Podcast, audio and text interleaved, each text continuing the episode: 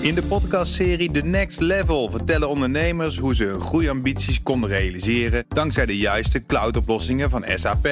Wat waren de uitdagingen, de oplossingen en hoe ging de uiteindelijke implementatie? Benieuwd naar hun verhalen en hoe zij met behulp van SAP ook hun toekomstige ambities kunnen behalen? Luister de podcast The Next Level via de BNR-app of je favoriete podcast-app. Tech Update.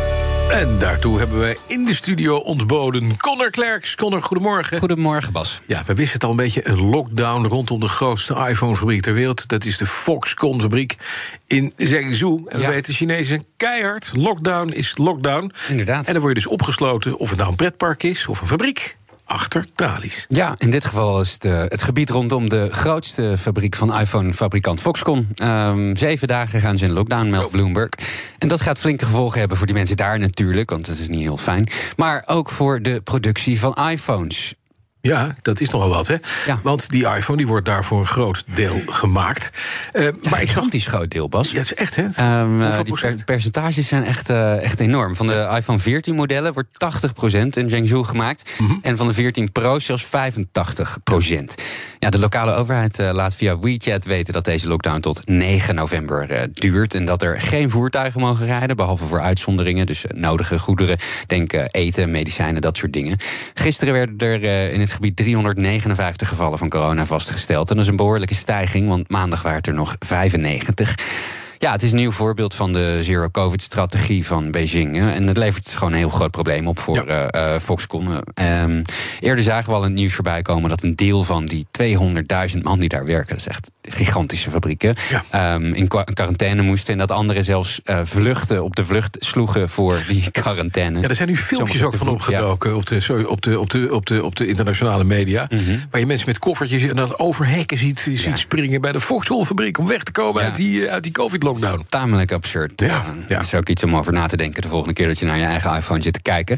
Ehm, maar ja, het is wel echt een, eh, een groot probleem voor eh, Foxconn en voor Apple. Ze reageren beide niet. Maar ja, als je naar die productieketen kijkt, als je naar die cijfers die we net bespraken, hoeveel van die iPhones daar gemaakt worden, ja, dit wordt nog wel een ding. Ja, die 14 die je besteld hebt, die kan nog wel even duren. Dan, hoe staat het ervoor bij Twitter? Want Elon Musk, chief twit, is daar nog steeds wild om zich heen aan het slaan. Kan ik dat zo zeggen? Ja, nou, nogal ja. Er is eh, veel nieuws weer, want er gebeurt gewoon elke dag een heleboel in dat bedrijf. Eh, Elon Musk lijkt in real time uit te vogelen wat hij eigenlijk van plan is met Twitter. Eh, ja, en er is geen plan, hè, want dat, ik kan het niet vaak genoeg zeggen. Vorige week wilde hij Twitter nog niet hebben, dus erg veel voorbereiding heeft hij niet gedaan. Eh, maar ja, hij heeft er wel 44 miljard voor neergeteld, waarvan 27 miljard uit eigen zak. Dus je moet er dan toch wel wat mee. Ja. Gisteren hadden we het over die deadline van 1 november. Veel werknemers waren bang dat ze voor die tijd zouden worden ontslagen. Omdat veel personeel per 1 november nieuwe aandelen zou krijgen. Nou, dat lijkt niet te zijn gebeurd. Dus dat is wel goed nieuws voor hen. Al was die vrees echt zo gek nog niet. Want Musk en Tesla hebben dit eh, trucje meerdere keren uitgehaald. eh, bij Tesla uiteraard. En er hebben ook meerdere keren mensen rechtszaken over aangespannen. Omdat ze precies dit eh, dus deden. Er vallen zeker nog een heleboel ontslagen. Maar CNBC meldt vanmorgen dat het personeel overmorgen gewoon die aandelen krijgt waar ze recht op hebben. Oké, dan. Maar niet iedereen blijft zitten te wachten op of hij een ontslagbrief in zijn bus krijgt. Nee. Mensen nemen daar een voorsprongetje op. Ja, zeker aan de top van het bedrijf. Ja. Reuters schrijft eh, over een exodus aan topmanagers bij Twitter. Het hoofd advertenties, weg. Marketingdirecteuren, weg. Chef HR en diversiteit, weg.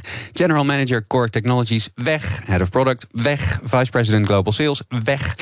En wie ziet Dus, eh, alle functies in één? Elon Musk. Ja, precies. Eh, dat bedrijf ziet er om de paar uur totaal anders uit. Ja. En ondertussen blijft het personeel dat er wel nog zit, nog altijd in grote onzekerheid achter. Want er wordt zo goed als niets eh, gecommuniceerd intern over plannen en over andere, ja, over personeelszaken. Vandaag zou er een vergadering zijn voor het hele personeelsbestand. Eh, die is voor de zoveelste keer afgelast. Het team van Musk zit in New York. Die eh, zitten om tafel met geschrokken adverteerders. Want sinds de overname van Musk zijn adverteerders een stuk minder happig om in te kopen bij Twitter. En dat is niet zomaar eh, eh, een onderbuikgevoel. Want ja, om een lelijk voorbeeld te, te noemen, gebruik van een bepaalde racistische term die ik niet op de radio ga herhalen, is sinds de komst van Musk met 500% gestegen op Twitter. Want ja, die toetsenbordhelden die zich verschuilen achter de zogenaamde liefde voor het vrije woord, die zijn de nieuwe regels aan het testen. Hoe is het onder het nieuwe management? En adverteerders die houden er eh, vanzelfsprekend niet van om met dit soort content geassocieerd te worden. Musk blijft erbij dat Twitter zich nog altijd ten volle inzet voor brand safety, zoals ze dat noemen. Ja. Maar ja, eerder stelde hij nog dat je op zijn Twitter alles zou moeten kunnen zeggen. Dus ja, Ja, linksom, rechtsom, we gaan even kijken. Nou, wat de grote vraag is ook wat hij gaat doen, ook hoe hij omgaat. En misschien is dat ook eh, learning by doing, is het empirisch. Maar hoe gaat hij om met moderatie? Inderdaad, hoe ga je om met wat er wel of niet gezegd kan worden? Ja, hij is of van plan, alleen maar alles, alles vrij en alles mag? Nou, hij zegt nu dat hij van plan is om een speciale raad in te stellen, een soort toezichtsorgaan. Eh, en die moeten dan gaan bepalen wat het beleid is rondom vrijheid van meningsuiting. En die moeten beslissingen maken zoals komen eerdere verbannen accounts, neem die van Donald Trump, terug op Twitter.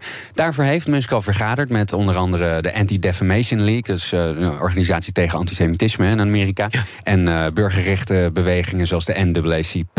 Ja, het zal mij benieuwen. Over eh, Trump gesproken. Musk zegt dat er geen beslissing komt over het teruggeven van verbannen accounts. voordat daar een duidelijk proces voor is ingesteld. Dat zou nog wel weken gaan duren. Ja. Dan nog even het blauwe vinkje waarvan Musk eerder zei... van, nou, dat zou wel eens 20 dollar kunnen gaan kosten. En daarna ging hij met Stephen King, auteur, eh, op, eh, in de clinch. Ja, ja, Zei die zou je zou je om, voor eh, acht- zou je het voor acht doen? Ja, we hebben flink om gelachen gisterochtend. Ja, hè? zeker. De onderhandelingsstrategie van Musk. Een tegenbod van 8 dollar, daar lijkt het inderdaad nu op neer te komen. Als je je blauwe vinkje wil behouden, verificatie eh, slash statussymbool op Twitter, of je er eentje wil hebben, ja, dan zul je daar 8 dollar per maand voor over moeten gaan hebben. Daar krijg je dan voor naast het vinkje voorrang in de rangorde van reacties onder andere tweets. Dat, zou, eh, dat zijn persoonlijke eh, stokpaardje, hè, dat onder zijn tweets allemaal van die rare bots en scams zitten. Dan zou je, als je een, een vinkje hebt, zou je dan hoger moeten komen. ja. Eh, je krijgt ook de helft minder advertenties en de mogelijkheid om langere video's en audio te delen. En als uitgevers mee willen werken, dan krijg je ook nog eens een bypass voor, een pay- voor de paywalls op nieuwsites. Eh adverteer- Oh, een soort blendel, een soort blendel in Twitter. blendel, ja. Oh ja. Ehm, Ik eh, durf daar wel een gokje op te nemen. Daar heeft niemand zin in. Want eh, moet je maar eens gewoon eventjes uitrekenen. Als het 8 dollar is per gebruiker en een deel daarvan eh, moet daar naartoe... dan zou ik dus, ik lees veel kranten... krijg ik de New York Times, de Washington Post, eh, de New Yorker... Het allemaal, krijg ik allemaal voor Het zou 18. een gouden deal zijn. zou Nou, een gouden deal zijn, maar dat gaat, gaat natuurlijk helemaal niemand doen. nee, Alexander Klupping misschien niet even bellen, Elon Musk. Hè? Kan je horen hoe het niet moet. Dankjewel. De BNR Tech Update wordt mede mogelijk gemaakt door Lenklen. Lenklen. Betrokken expertise, gedreven resultaat. In de podcastserie The Next Level vertellen ondernemers hoe ze hun groeiambities konden realiseren dankzij de juiste cloudoplossingen van SAP. Wat waren de uitdagingen, de oplossingen en hoe ging de uiteindelijke implementatie? Benieuwd naar hun verhalen en hoe zij met behulp van SAP ook hun toekomstige ambities kunnen behalen? Luister de podcast The Next Level via de BNR-app of je favoriete podcast-app.